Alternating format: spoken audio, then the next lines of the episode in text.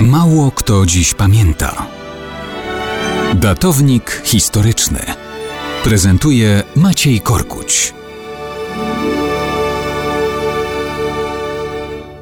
Mało kto dziś pamięta, że wczoraj minęła rocznica urodzin w 1914 roku człowieka, który osobiście zadbał o to, aby ruchy pacyfistyczne na Zachodzie miały w latach 70. XX wieku solidne źródła finansowania. Umiejętnie wykorzystywał również swoje służby do podsycania oskarżeń krajów Zachodu o antysemityzm i wrogość wobec przybyszów z obcych krajów. Kto to taki? A taki sobie Jurij Władimirowicz Andropow, który od 1967 roku przez równe 15 lat dowodził sowieckim KGB.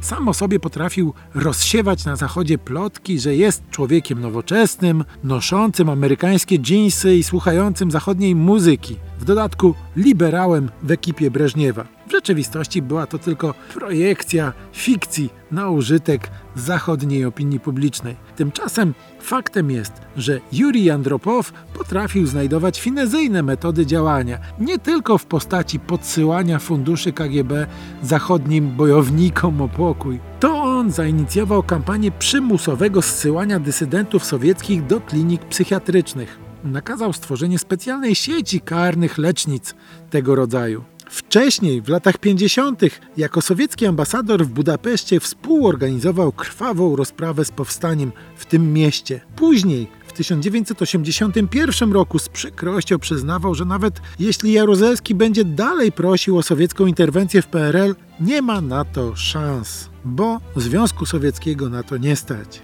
Partia za wszystkie zasługi nagrodziła go najwyższym zaszczytem.